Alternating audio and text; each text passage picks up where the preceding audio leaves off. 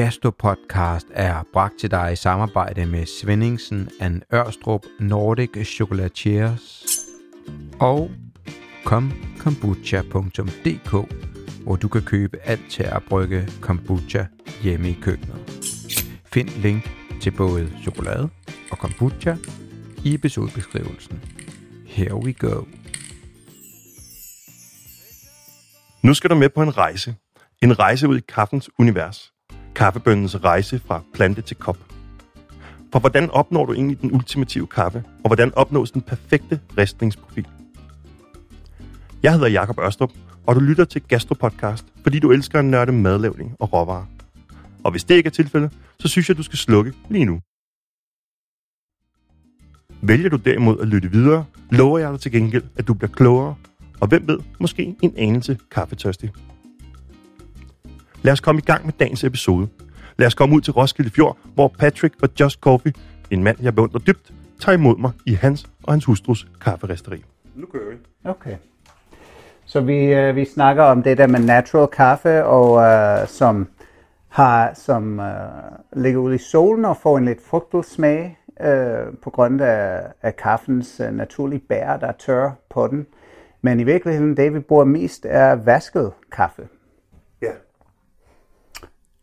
Vasket kaffe. Hvad, øh, hvad, Ja, va- vasket kaffe, det er som sagt det, er det vi bruger mest af. Det er en øhm, kaffe, hvor de fjerner den der frugt øhm, næsten med det samme, eller i hvert fald så hurtigt som, som muligt. Øhm, der er sådan en tom, tommerfingerregel, at man vil gerne få det høstet, og så skal den øh, frugt fjernes inden for 24 timer. Uh, ellers risikerer man, at der kommer lidt gæring, uh, som kan komme en, en dårlig bismag i det. Men øh, man fjerner den der frugtkød, men alligevel der er noget øh, forskellige um, frugtsukker og sådan lidt en slimlag, der, der hænger lidt på, øh, på kaffebønnen. Og den skal øh, vaskes af. Det er det, derfor, vi kalder det vasket. Men i virkeligheden, øh, den, der er nærmest øh, en lille smule gæringsproces i det også, fordi den kommer ned i nogle øh, typiske øh, beton øh, kar eller bal eller tank, øh, hvor der kommer en masse vand, og så bliver der, øh, står det, den står der måske i 24 timer, og der sker en lille smule gæringsproces. Og det er 24 timer er simpelthen nok til, at det her lille slimlag begynder at gære? Ja, nogle gange er det to gange 24 timer. Det er op til, til dem, der har ansvar for stillet og, og beslut. Fordi det, de gør, så, så skifter de vandet, og de tjekker, hvordan det er, og så kan de eventuelt få uh, øh, skyllet alt det, der meget uh, sukker, sukkerrig uh, vand ud fra, fra, fra den der vaskeproces, fra den tank der, og så skifter de vand med nogle, nogle nye renvand uh, og måske gentage processen. Og så til sidst bliver den skyllet igen. uh, men så det der skal også tørres, så det skal også lægges ud i solen, ligesom med de, øh, med de natural burner, men, men det er bare uden den der frugtkød på. Og så bagefter, når den er helt tør, øh, ned til det der sådan cirka 11-12 procent, så bliver det også øh, øh, pakket sammen i sække og kørt hen til et større øh, bearbejdningssted, hvor de kan sortere, ligesom landbrug og udstyr, hvor de sorterer bønderne med uh, sådan større maskineri, og det er nærmest uh, typisk sådan en, en fabrik, uh, der, der håndterer rigtig, rigtig mange tons uh, kaffe i høstesæsonen. Og hvad, hvad sorterer man for der? Er det sådan kvaliteter, størrelser, eller er det for uh, at få, uh, hvad ved jeg, ja, sten fra? Eller? Alle de ting. Uh, fordi når, når det kaffe kommer hen til der, hvor de sorterer det, så, kan det, så er det meget øh, blandet med mange ting. Der kan være sten, afhængig af hvor den er tørret. Øh, der kan være små stykker træ. Der kan være øh, rester af, af bær. Der kan være lidt, lidt blandet. Men øh, kaffebønderne selv, de er også meget forskellige, så der, det er der, hvor de helst vil sortere øh, fejlbønder fra. Det vil sige bønder, der øh, har insekthuller eller er misformede. Øh, det er ikke alle kaffebønder, der, der udvikler sig helt perfekt på planten, så der er rigtig mange, der, der bliver sorteret fra. Så man ender faktisk med øh, en del forskellige sorteringer, og det er typisk dem, der øh, så er det den, den laveste kvalitet, og måske øh, hvis vi bare siger, at der er tre niveauer, men det, det, nogle gange er der endnu flere, men så er det den laveste niveau, en mellemniveau og, og den højeste kvalitet. Og det har selvfølgelig øh, meget øh, stor, stor påvirkning på pris og smag. Så vi, det vi køber er typisk op i den højeste kvalitet. Øh, og det, øh, det, kan, det kan endda have en uh, håndsorteringstrin uh, efter den mekaniske sortering, hvor man har sorteret det hele, og så bliver det alligevel alle sammen lagt ud på nogle lange bord, hvor der sidder en masse mennesker og bare måske ikke bruger meget til på det, men hurtigt giver den en hurtig kig igennem og ser, er der stadigvæk noget, der fejler i det her. Så bliver det pakket ind i øh, de sække, som, som vi har stående her nu. Og det ser fuldstændig fantastisk ud. Jeg har også nævnt tidligere, men man bliver sådan sat i en særlig stemning, når man står på det her lager, hvor der ligger stakke af de forskellige lærredssække her, eller hvad det hedder, og brune sække med forskellige print på. Øh, som du selv var inde på tidligere, så, så er der mange, der tror, at det er gamle sække, men det er jo faktisk helt nye sække. De har bare en helt særlig, særlig stil. Men, men Patrick, jeg står her øh, på jeres lager, eller vi står her på jeres lager, og så kigger jeg også på en maskine herover, og jeg, nu ved jeg jo tilfældigvis lidt om den her maskine, og den hænger lidt sammen med det her, fordi jeg blev engang vist, da jeg var hernede, der viste Hayden mig, som en af jeres ansatte, han viste mig en kop, der var fyldt med sten. Mm. Så til trods for, at de, øh, de sorterer i, i, på maskiner, men også i hånden, så er I faktisk også en gang imellem selv nødt til at køre, ja. køre igennem her. Det er rigtigt. Øh, der kan stadigvæk forekomme øh, ting i, i kaffesækkene, og de er typisk øh, sten, der er samme størrelse som kaffebønder. Øh, og vi har den maskine, du øh, nævnte, det, vi kalder det bare en destoner. Øh, og den, øh, den har en blæsermotor i, og den øh, hælder vi ristet kaffe det, det vil sige, efter den bliver ristet, så hælder vi den ind i den, og tænder, tænder for den, og man justerer den, så at Øh, den kan lige nå at suge de let kaffebønner op, men hvis der er noget, der er lidt tungere, så falder den fra. Så er der sådan et, et restnæl i bunden, hvor den, øh, den samler sten. Heldigvis øh, er det ikke så meget, at vi finder sten, men der har været øh, nogle partier kaffe. Øh, det sidste, jeg kan huske, var for jeg tror det var tre år siden, så havde vi en parti kaffe fra Papua New Guinea, og jeg ved ikke helt hvorfor, men den, der var ret meget sten i det. Og der var den, måske noget, der var gået galt i sorteringen? Ja, nemlig, eller man tænker nogle gange, ja, hvor, ja, men vel ikke. Men mindre man tager det hen og spørger, og det har vi ikke gjort, så, uh, så, så kan vi ikke sige, hvorfor der er så mange sten i det. Men en gang imellem er det nødvendigt at, at gøre det. Men heldigvis er det normalt, at det er et meget ren produkt, hvor der ikke er så meget. I hvert fald i de kaffe, øh, vi får hjemme. Hvor lang tid, bare sådan en ren nysgerrighed, hvor lang tid øh, går der sådan, fra de har sorteret kaffen, til kaffen lander heroppe hos jer? Jeg går ud fra, at den bliver sejlet op. Jamen, det gør det. Øhm, så det er typisk øh, en høsteperiode, der kan være over to til tre måneder. Øhm, eller høsten selv måske et par måneder, men hele perioden med bearbejdning øh, op til tre måneder i alt. Så bliver der noget sortering, og aftalerne skal på plads. Øhm, øh, Øh, så hvis man er meget hurtigt på det, så, så får man først øh, de grønne bønder hjem.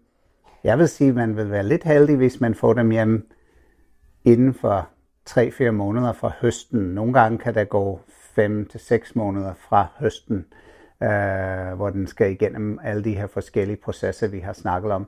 Og så skal den nemlig øh, pakkes i en container, og så skal den han til et havn et sted øh, i oprindelsesland, og så skal den sejles han typisk til Hamburg, hvor vi, øh, hvor vi har et sted, hvor det bliver opbevaret, øh, når den ankommer, og så trækker vi øh, vores kaffe derfra, når vi har brug for det. Og jeg tænker, undskyld, jeg tænker, at hele ideen i, at I får sejlet grønne bønder op, og de ikke bare rester dem dernede, det er selvfølgelig, fordi restningen kan I styre, det skal vi tale om lige om lidt.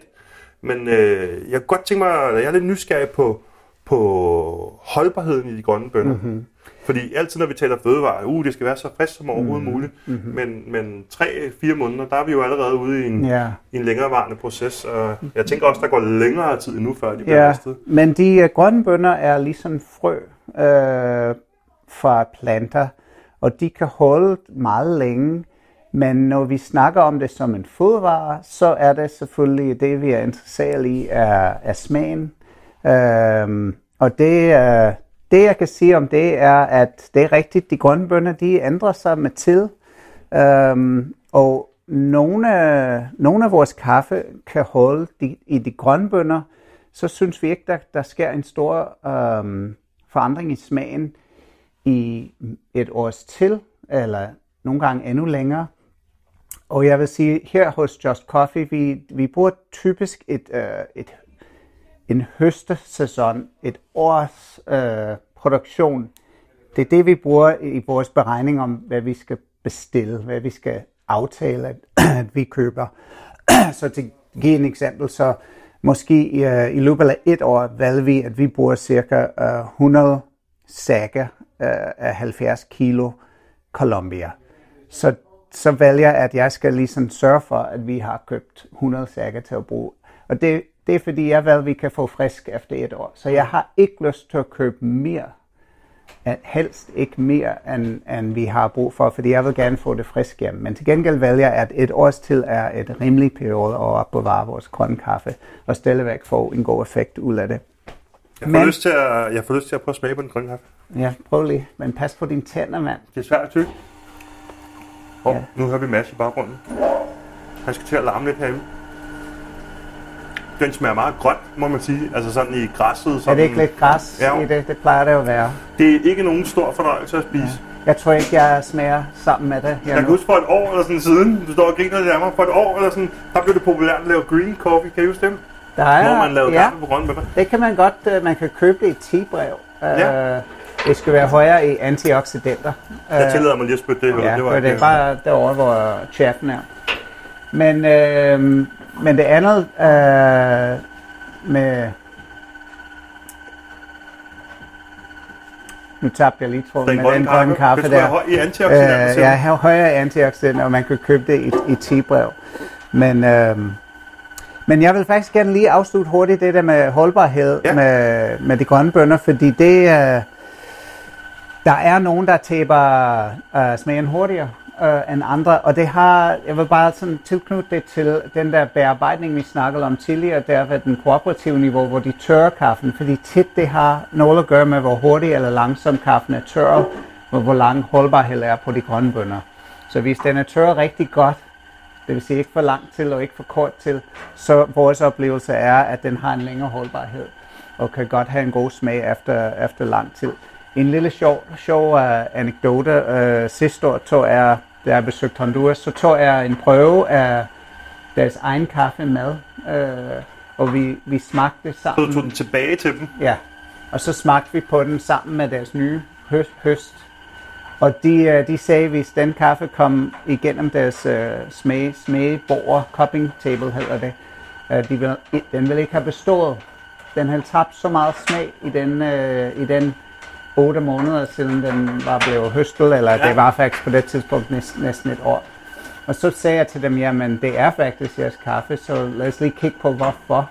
Mm. Og så besluttede vi, at det er vigtigt, at vi kigger lidt på den der tørretid, øh, når de høster, at, den, øh, at de er opmærksom på, at den ikke går for hurtigt i det tilfælde.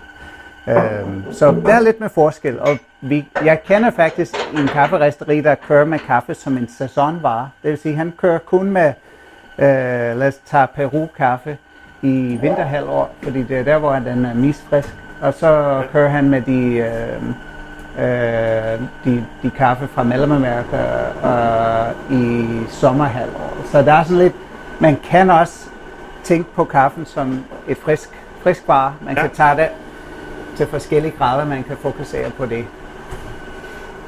Lige sådan, øh, inden vi springer til det her med ristningen, og hvordan det egentlig foregår, øh, fordi nu er, vi kan høre i baggrunden, at masser af ved at varme kafferisteren op.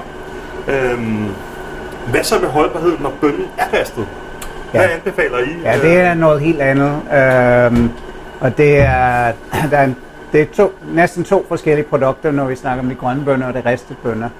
Fordi der, i ristning, der, og det snakker vi mere om om lidt, men jeg kan lige så godt sige noget af det nu. Øh, der sker så mange øh, ændringer i kaffen og kemiske udvikling, at mange aromastoffer bliver mere flygtige efter ristning. Så det, øh, de, de simpelthen de forsvinder fra kaffen hurtigere efter ristning, end de vil i de grønne bønner. Øhm, så efter ristning, ja, man kan diskutere, hvad holdbarhed er bedst med det. Men øh, vi har i lang tid kørt med en anbefaling, at vi vil gerne drikke det inden for tre måneder efter ristning. Øhm, og i virkeligheden, okay, vi er lidt forkælet her. Vi har selvfølgelig hele tiden frisk ristet kaffe, så det er sjældent, vi drikker kaffe, der er mere end en uge gammel måske. Men, så det er mest, mest det, jeg er vant til. Men det, jeg kan sige, er, at der er en udvikling. Så fra ristningsdato frem, så ændrer kaffen smag sig. Og jeg vil sige lige med det samme, efter ristning vil jeg nok ikke vælge kaffe og drikke det lige med det samme, fordi det, det er så frisk, at der er en masse også øh, kuldioxid, der er udviklet i bønnen fra ristning. Og, øh, og den, kan, den kan godt gå hen og ligesom ikke øh, brygge helt optimalt, når den er for frisk. Men hvis man bare giver det et par dage, så begynder den at falde lidt til ro, øh, og så kan man opnå nogle af de optimale resultater. Personligt synes jeg, at kaffen er super lækkert at bruge efter cirka en uge til to uger. Fordi så er meget af den der restningsgas, øh, øh, gas, eller kul- kuldioxid, der er i kaffen, er allerede begyndt at, at, at sive ud af bønnen. Øh, og så synes jeg bare, at det er en lækkert smag. Men vi bliver... Mm, ja, jeg bliver overrasket nogle gange. Kaffe, der har, er blevet ristet for en måned eller to måneder siden, kan have en fantastisk smag, hvis den er opbevaret tørt, øh, luftfri, eller hvor der ikke kan komme ilt til det, og øh, væk fra lyset, så kan man faktisk trække, øh, trække det lidt og, og vente et par måneder, og stadigvæk have en ja. god resultat. Og det er jo, øh, det er jo et godt fif. Mørk lugt, øh, mørk lugtfrit simpelthen, Ja, og uden for meget ilt. ja. Ja. Øhm, årsagen til, at der er den her lille ventil i kaffeposerne, er det så den her kuldioxid, Ja. der kan slippe ud? Nemlig, fordi Ja. det, det ser man, hvis man forsejler en, en pose, der er, hvor ilt kan ikke komme ind eller ud, øh, men bønnen afgiver kuldioxid, så, så skal den have en måde at komme ud, eller puffer Ja, ja. posen op. Og det sjovt er, hvis man, hvis man lader posen ligge i rigtig lang tid, det vil sige mere end et år lukket, så skrumper den ind igen og virker vakuumpakket. Øh, så den har sådan lidt, først puster den ud, og så suger den lidt til igen. Det, det er i live. Jeg tænker, vi skal, vi skal gå videre til restningen. Ja, men nu er restaurant talt.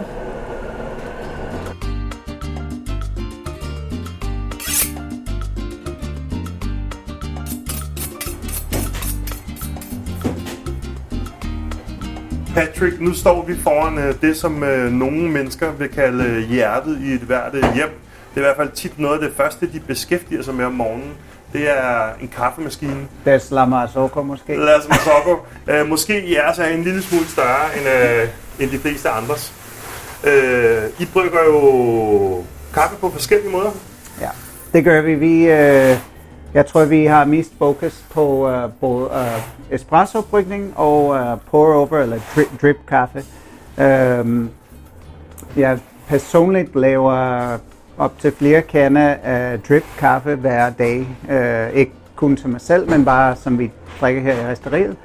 Øh, men samtidig espresso er en vidunderlig øh, brygningsmetode, som, øh, som vi har mulighed for at lave øh, mange forskellige typer, også øh, her i løbet af en dag. Og vi, vi laver også øh, to-go kaffe til øh, folk, der kommer forbi. Ja, og nu kommer der faktisk lige kun Hej. en fiksen her, så det vi kan høre i baggrunden, det er jo øh, butikken, der kører. Det er skønt. Men Patrick, øh, hvis vi skal kigge på, øh, på espressomaskinen som det første. Øhm, er latte. Den blød. det gider vi sgu ikke tage så meget, gider vi? Om, øh, Om espressomaskinen. espressomaskinen. Ja, ikke nødvendigvis øh, den mærke, den er, men man kan godt se, at espresso er en, øh, en, en måde at brygge kaffe, hvor man bruger, bruger som regel en øh, vandtemperatur, der er en lille smule lavere, og så en vandtryk, der er væsentligt højere. Og det gør, at, øh, at og så kværner man kaffe meget fint og meget jævnt. Og når man så øh, presser den der vand igennem kaffen, så får man en meget koncentreret og øh, sødmerfuld kaffeeffekt.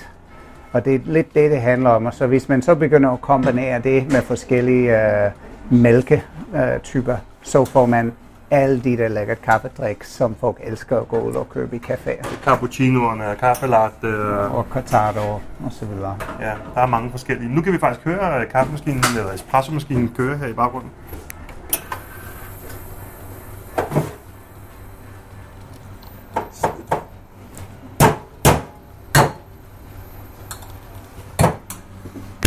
Ja, det er ligesom en øh, sort gul, der kommer ud der. Øh, en lidt øh, øh, brun, mørkebrun farvet og cremet og lidt øh, plattet med mørke øh, platter og striber. Øh, det er espresso, og det er, der er det, man kalder cremer på toppen, og man faktisk synes jeg, at det, der er mest spændende, er det, der kommer først ud, øh, som er i bunden af koppen lige nu. Det er der, hvor den vand kommer først igennem, og det er meget summerfuldt, meget lækkert. Ja. Øh, det er meget sjovt nogle gange, hvis folk nogensinde, hvis de ikke har prøvet det, at, at lave en espresso, og, og starte, øh, starte espresso, øh, så den løber igennem, men så tager lige de første 10 sekunder i en kop, de næste 10 sekunder i en anden kop, og den sidste 10 sekunder i en tredje kop, og smage på forskel, fordi det har man måske ikke tænkt på før, men der er en kæmpe stor forskel med de, det vand, der kommer igennem først, der kontra det, der kommer igennem sidst. Interessant. Den anden metode, I øh, brygger på, det kaldte du pour-over. Pour-over, ja, det svarer til en, øh, det, det, det er sjovt, fordi det er sådan en, en ny øh, udtryk. Pour-over er drip kaffe, men i virkeligheden, øh, det er det, som folk også kalder kaffe på gammeldags manør. Man, manør. Det er det, øh, mange siger, øh, når vi kommer ind. Og det er, det er der, hvor man har en trakt med en øh, papirfilter i. Så kommer man kaffe i dag og hælder vand over øh, vand, man har kogt øh, ved siden af. Så hælder man det bare på kaffen og brygger filterkaffen alle i den beholder, man har vand. Så vi, øh, vi gør det, og vi snakker lidt om det tidligere, der, der, det var det, vi drak, øh, da du først kom. Øh, det synes jeg er en fantastisk måde at, at sætte fokus på kaffens forskellige nuancer. Samtidig har man en mindre stærk, en mindre koncentreret kaffe, og jeg drikker ikke øh, mælk i min kaffe så meget, så jeg kan godt lide at have en, en kop kaffe, der ikke er alt for stærk, så jeg kan drikke en stor krus og nøde det i, i mere eller 5 minutter, i stedet for bare øh, 30 sekunder espresso, som er færdig. Og du var lidt inde på det tidligere, det der med stærk øh, versus kraftig kaffe. Mm. Øhm, jeg tænker, hvis nu man skal give et fif til dem, der gerne vil lave sådan en øh, dejlig kop øh, drip coffee derhjemme. Øh, I har jo øh, kaffevægte, som kan både veje selvfølgelig, det kan de fleste vægte, men jeg skal også tage tid. Øh, det kan simpelthen tage tid på, hvor lang tid gennemløbet af vandet er. Hvis man nu skal give sådan en lille øh, fif til, øh, kan man komme med nogle mål, nogle gram kaffe per liter vand, eller... Ja, øh, men det, det er selvfølgelig, på en måde er det meget simpelt at brygge kaffe, men bare det der, hvor der er tre-fire variabler, så kan man, skal man lige have husk at tage højde for de forskellige variabler, og hvordan de påvirker øh, resultat. Og med det, øh, vi kan snakke om øh, kværningsgrad, det vil sige finhed eller grovhed. Øh, man kan snakke om øh, kontakt til med vand, og det har meget at gøre med kværningsgrad, hvor, hvor hurtigt vandet løber igennem kaffen, øh, eller hvor langsomt. Øh, så kan man også tale om vandtemperatur, øh, fordi hvis det er varmere, så oplyser det nogle andre smagstoffer fra kaffen. Øh, hvis det er køligere, så oplyser det ikke nogen smagstoffer. Det kan man lege lidt med. Så nogle af de øh, tommerfingerregler, vi bruger her, så hvis vi skal lave øh, for eksempel øh, cirka en halv liter kaffe eller 600 øh, gram vand, øh, øh, så bruger vi omkring 36-40 øh, gram kaffe. Øh, det, det svarer til cirka ja, mellem 6 og 8 gram per øh, kaffe per 100 øh, gram vand. Øh, men, øh, Det er jo meget godt. Det er jo en meget god tommelfingerregel. Ja, en anden tommelfingerregel, man kan huske, er 50 gram kaffe til hvert liter øh, kaffe, man vil lave. Men, øh, men det, det, det skal man al- altid bruge som en udgangspunkt, og så lave det, og så smage på det, og så selv vurdere. Man skal selvfølgelig brygge kaffe, som man, som man bedst selv kan lide. Ja, nemlig. Og det andet er, at hvis man... Men det, det man skal måske også huske, øh, at hvis man laver en kaffe, og man ikke, ikke helt glad for smagen, så kan man nogle gange ændre det en, en del med og justere på nogle af de her ting. Så for eksempel i en kaffe, der ender med at smage, der smager meget bittert, så kan man nogle gange kværne det grovere, så bliver den lige pludselig lidt mere blød i smagen. Øhm, Jeg tænker, at nu grovere man maler den, nu hurtigere løber vandet igennem. Lige præcis, og det er en god måde at huske det på. Uh, hvis man tager det op i nogle, en helt, nogle helt andre eksempler, så er det ligesom uh, forskel med grus kontra sand. Uh, grus uh, vandet, hvis man har en, en siv med grus i, så løber vandet lige igennem, hvor hvis man har øh, en, øh, en siv med noget sand i, så løber det igennem lidt mere langsomt. Så vi, vi vil gerne have lidt en mellemting, men øh, apropos løbetid med det der, vi snakkede om før, øh, så, snakke, så, vil, så skulle den gerne være helt færdig, for når man hælder vand ind, indtil den er færdig. Med den her mindre portion, vi snakker om, cirka en halv liter, så skal det kun gå sådan 3-4 minutter. Øh, hvis det tager meget længere en dag, så er kaffen måske malet lidt for fint, så skal den måske kværnes lidt grovere. Og så kan man altid øh, komme en lille smule mere kaffe, kværne det grovere, men lidt mere kaffe. Der er nogen, der vil gerne sige, at jeg kan huske, der er nogen, der har spurgt mig, kan man så spare lidt på kaffen, så kan det finere, og så bruge mindre. Jo, men så er det, at måske smagen er måske ikke super godt, eller ikke optimalt. Men hvis man er glad for den smag, så er det fint nok. Men for mig, jeg bruger typisk en lidt grovere kværnet kaffe, og øh, lidt få, nogle få gram ekstra, så får jeg mere en blød runde smag, som er mere balanceret for mig i hvert fald. Du taler meget om det her med at kværne kaffe. Øh, og herude hos jer, der står ved siden af øh, jeres fine Le Marzocco-maskine, øh, som jo er en ganske, ganske smuk espresso-maskine. Der står ikke bare én, men tre kaffekværne. Ja, eller Øhm. fire i, i virkeligheden. To, tre, fire. Ja, Og ja, så har vi en femte herovre. Så, så Kværne er en super ikke- vigtig del af kaffeprocessen, og øh, jeg, jeg kan ikke, øh, man skal ikke undervurdere, hvor vigtigt det er. Og øh, man, jeg har tit hørt, at man, man skal investere i en rigtig god kværn, øh, næsten mere end kaffemaskinen selv. Og det, øh, det er jeg delvis enig med. Jeg synes, øh, en god kværn tillader en at vælge, hvis man vil lave filterkaffe eller espresso-kaffe. Det, der handler meget om en kværn, øh, altså, der er mange ting, men en af de vigtige ting er, at øh, man er ude efter en øh, størrelse i kværnet kaffe. Det tænker man normalt ikke på, fordi man tænker, det er bare pulverkaffe, ikke? Det er, det er simpelthen... Øh, det ligner som om det er bare som pulver, ikke? Men hvis man tager en lille bitte smule på sin håndflade, eller et stykke papir, og så spreder det ud, så kan man se de forskellige partikler. Det er nærmest, min hver for sig. Det, det er faktisk ikke bare mel, det er en masse små partikler. Og det man vil gerne have med kaffe, er, at alle de partikler er øh, det samme størrelse. Hvorfor det? Det er simpelthen fordi, så oplyser vandet jævnt. Øh, og så kan man styre, så kan man vælge den størrelse, som giver den bedste resultat, og så kan man have det jo, jo flest øh, partikelstørrelse af det størrelse. Så Men det er umuligt, det er umuligt at have det 100% øh, jævnt størrelse. Øh, ja, med det sagt, så er der no- nok nogen, der kan sige, ja, det er muligt, men så går vi ind i nogle efterfiltrering af pa- partikelstørrelse. Yes. Jeg har set det, men det er, det er ikke det, man gør derhjemme normalt. Så øh, det var i virkeligheden at brygge kaffe og vigtigheden af en god kværn. Fedt. Tak.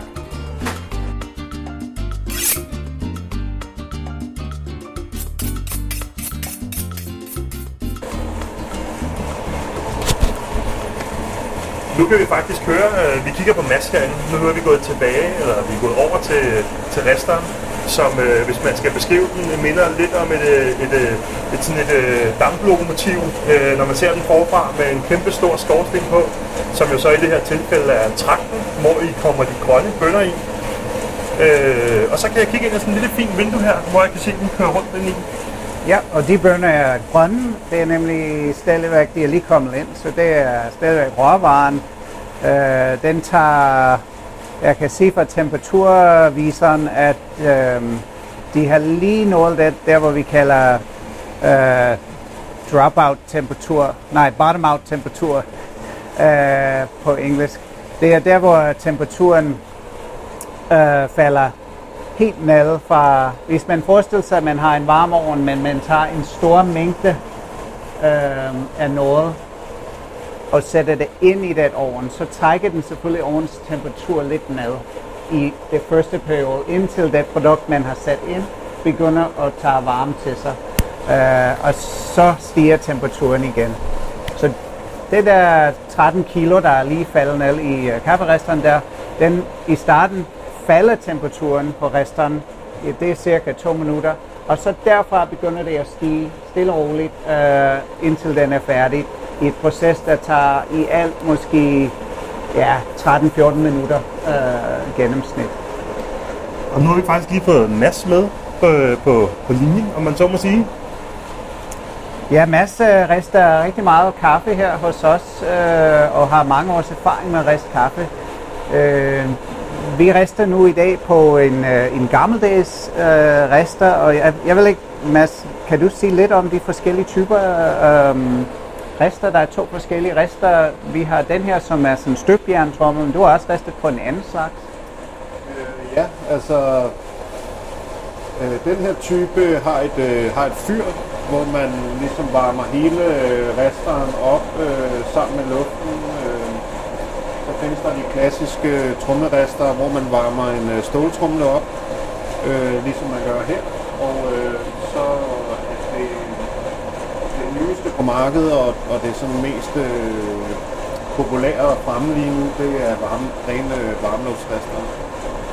Øh, så øh, man har øh, under selve restningen her, der har vi øh, selvfølgelig vores hovedvarmekilde, som påvirker kaffen med øh, noget kontaktvarme og øh, noget strålevarme og øh, varmluft øh, øh, gennem et øh, udtræk, vi har siddende bag på resteren. Så ved at styre øh, forholdet mellem de her forskellige varmekilder, så kan vi, øh, så kan vi øh, udforme en resterprofil. Øh, så vi kan trække mere luft igennem resteren, øh, eller mindre luft gennem resteren. Vi kan skrue op og ned for flammen, øh, og det kan vi gøre hen over tid, øh, og på den måde påvirke øh, kaffen. Øh, og det er simpelthen det, der hedder profilresten. Og det er lidt sjovt her, øh, vores rester, som, som vi står foran nu og, og rester på, det er en, både en lidt øh, traditionel, øh, eller man kan kalde det gammeldags restaurant, men også på den måde, at den har ikke en computerstyret øh, ting på, så man, kan ikke, øh, man går ikke og ind og justerer øh, en, det, vi kalder en resteprofil på en computer, som så styrer varmen. Det er nu os, der står ved siden af resteren, øh, der skal bruge vores viden omkring udvikling af kaffe i resteren til at beslutte, ja, hvor meget varme skal den have, hvor meget luft skal blæse igennem, øh, hvordan påvirker det smagen. Og det er et proces, der faktisk også kræver, at vi smager på kaffen bagefter, og ligesom laver en vurdering og tænker tilbage, jamen hvorfor smager den sådan, og hvad kan restningsprofil øh, påvirke den smag. Øh, og det er noget, øh, som er meget interessant hos os, fordi personen, der står ved resteren, skal virkelig selv forstå processen til at kunne gå ind og, og, og justere og, og have en påvirkning på den proces. Man kan sige, at vi håndrester meget. Det er ears, øh, så det er og nose, altså så man dufter og lytter og kigger rigtig meget. Øh. Nu siger du, nu siger du lytter. Ja. Øh, det er sådan, at øh, længere hen i processen øh, under restningen, øh, når vi er begyndt at karamellisere kaffen, der kommer et, øh, det man kalder et knæk Øh, og der kommer faktisk to forskellige knæk. Øh, og øh, man kan sige, at det, knæ, det første knæk indikerer faktisk, hvor man er i restningen. Øh, og det øh, lyder ligesom popcorn. Ja, så man bruger de her to knæk til at markere, øh, hvor man er hen i restningen. Man bruger også farver, fordi vi kan både, som du siger, man kan se øh, kaffen igennem et lille glas vindue, men der er faktisk også en, en metalske, man kan som stikker ind igennem øh, fronten af resteren, som man kan trække ud Og der kan man, øh, der kan man også øh, se resterne, eller se bønderne. Man kan tage en, en aktuel prøve ud og se, hvad niveau de er henne. Og når man gør det, så kan man se farver, udvikling og øh, måske lidt øh, damp, og så senere han noget høj. Øh, men det, der er næsten vigtigst, eller i hvert fald meget vigtigt i processen, er de her knæk, øh, fordi de markerer nogle forskellige punkter i bønnens udvikling, som man skal bruge til at sige, ja, hvornår er den færdig, og hvordan vil vi gerne have det. Og man kan sådan meget kort sige, at den first knæks er normalt det, hvor man markerer, hvor den kan godt være færdig. Hvis man vil gerne have en lyseristet bønne, øh, hen mod en mellemristet bønne, så skal man være efter den first knæk. Øhm, og den, Øh, den anden knæk, det vil være der, der markerer, hvor bønnen er officielt mørkristet, eller officielt meget mørkristet, øh, ifølge hvem øh, man snakker med. Men, øh, og det er simpelthen processen alle i bønnen selv, der har at gøre med bønnens celler, der, der springer, og også den stræk i kaffen, der lige åbner sig øh, der. Og det er også lige der omkring first knæk, hvor der er en lille, meget tynd øh, skalle, der stadigvæk sidder fast på de grønne bønner, og det er der, hvor den løsner sig mest.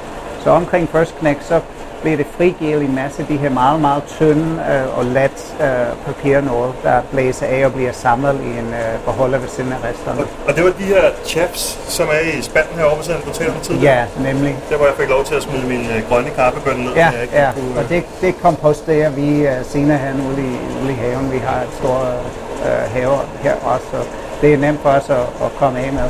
Men det er et resteprodukt, som de fleste siger aldrig.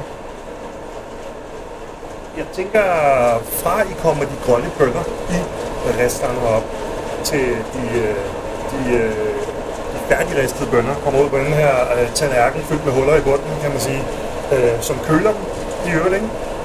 Øhm, hvor, hvor lang tid tager sådan en kafferistning? Jamen, så er et sted mellem, øh, vi rester mellem 13 og, og 15 minutter deromkring, øh, afhængig af om det er øh, lys mellem eller mørk. Øh, men sådan, øh,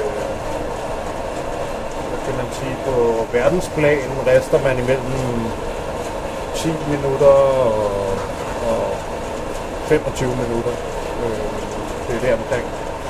Øh, vind ved, ved at riste øh, for hurtigt, så får du en meget øh, rå smag i kaffen, og ved at riste for langsomt, så mister du aroma. Øh, Så man kan sige, at det er virkelig ikke så lang tid, det tager at riste en bønne. Vil man kunne riste sådan nogle øh, grønne bønner? Øh, vil man kunne købe grønne bønner, ja, og riste derhjemme, for eksempel? Ja, den- der er der også mange, der gør. Og det er, det er helt klart muligt at riste i ovnen, eller man kan også købe en særlig øh, øh, kafferiste til derhjemme. Men der er mange, der rister i ovnen derhjemme. Øh, det jeg vil også sige, der, der man skal jeg vil ikke sige så meget om den proces, fordi det er ikke noget, jeg selv gør. Vi har det her kæmpe rester, og vi har også en lille prøverester til kun 100 gram, så jeg har ikke brug for at riste i min ovn. Men øh, en, en, en ting, jeg vil sige om det, som er også vigtigt for os, er, øh, det er vigtigt, at kaffen, når den er færdig, når man selv beslutter, hvornår det er færdigt, og det, det kan man selv vurdere, hvornår, hvis den skal være lys eller mellem eller mørk. Den skal også køle ned. Øh, man skal huske, den skal køle ned, og den skal helst køle ned hurtigt. Så hvis også hvis man rister derhjemme, husk hvis man har kaffe på en brædpande og rister det øh, og tager den ud af ovnen, så er den her brædpande stadigvæk varme, så den bliver ved med at riste. Man skal have noget, man kan hælde ud på. Øh, for eksempel et koldt øh, gl- øh, glas eller en fad eller noget, eller måske endda flere ting, man kan skifte fra den ene til den anden, så prøve at køle den ned øh, hurtigt. Hos os, vi, øh, vi prøver at køle vores kaffe ned øh, i under 5 minutter, øh, efter den er færdig. Så når den kommer ud af resterne og er næsten 200 grader varme, så skal den helt ned til øh, almindelig øh, stuetemperatur, være cirka 20 grader eller deromkring, inden for 5 minutter. Og det er fordi, den låser smagen ind i den øh, på en øh, meget effektiv måde. Og 200 grader, Patrick, det ville også være det, man skulle kaste ud af deres kaffe ved derhjemme, hvis man skal give sådan bare, nu ved jeg godt, du siger, du ikke har... Tænker du, øh, tænker du på øh, oventemperatur? Ja, rumtemperatur. Ja, oventemperatur skal måske godt, kunne godt være omkring øh, 200, måske lidt mere end 200 grader, men kaffen, øh, det man skal nok prøve at tænke mere på, er den der med riste til, som vi snakkede om før. Jeg kan ikke sige så meget, at jeg ikke har prøvet at riste hjemme, om, om hvor meget åren skal være. Men jeg vil, oh, nu har vi først knæk. Jeg vil ikke, hvis du kan lige fange det lidt. Det lyder som sådan en, øh, det lyder som sådan en gang popcorn, ja. Ja, øh, nemlig. Og nu kigger lidt, uh, Mads kigger lidt på den der ski, vi snakkede om. Han dufter til kaffen og tjekker. Uh, er det en mørk ristet eller en mellemristet? Det er mørk produkt, ja. Det er en mørk ristet, han, uh, han har i nu. Så det var først knæk, så vi skal faktisk, nu er det sådan to til tre minutter, så kommer den der anden knæk. Og så kommer den her kaffe ud lige når den anden knæk uh, vel at starte. Så Det var simpelthen øh, ristningsprocessen. Ja, og, og- et lille fif til, hvordan man øh, kunne kaste ud af deres Så, kaffe så derhjemme. hvis man er derhjemme og, og leger lidt med, med det, så skal man nok prøve at huske at, at komme hen til den der 10-12 minutter, vil jeg gætte på. Så hvis det går meget hurtigere end det, så er det måske for varme i ovnen. Og hvis det tager meget lang, længere til, så er det for køligt i ovnen. Så man kan sige, det, må, det må være et spørgsmål om at prøve at fare sig også ja, øh, lidt fra. Ja, det er lidt som det der med at brygge kaffe. Man skal forstå nogle af de forskellige variabler i det, og så justere de forskellige variabler til at nå hen til, uh, til resultatet. Fedt. Tak, øh, og tak Mads for, øh, for snakken. Nu rører der nye bønder i, Ja. øh, i restaurant her, og der arbejdes videre på pult her øh, på Just Coffee. Ja, nemlig. Vi har gang i produktion i dag. Det er godt. Vi skal lade være med at forstyrre mere. God arbejdsløst.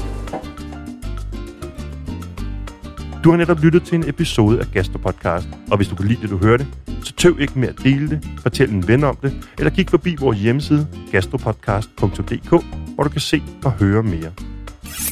Mit navn er Jacob Ørstrup, og sammen med Anders Guldberg står jeg bag Gastropodcast. Vi vil gerne sige tak, fordi du lyttede med, og ønske dig en fantastisk god dag. Det var slut på spor 1. Hvis du vil undgå pause på spor 2, stands der båndet nu og vend kassetten.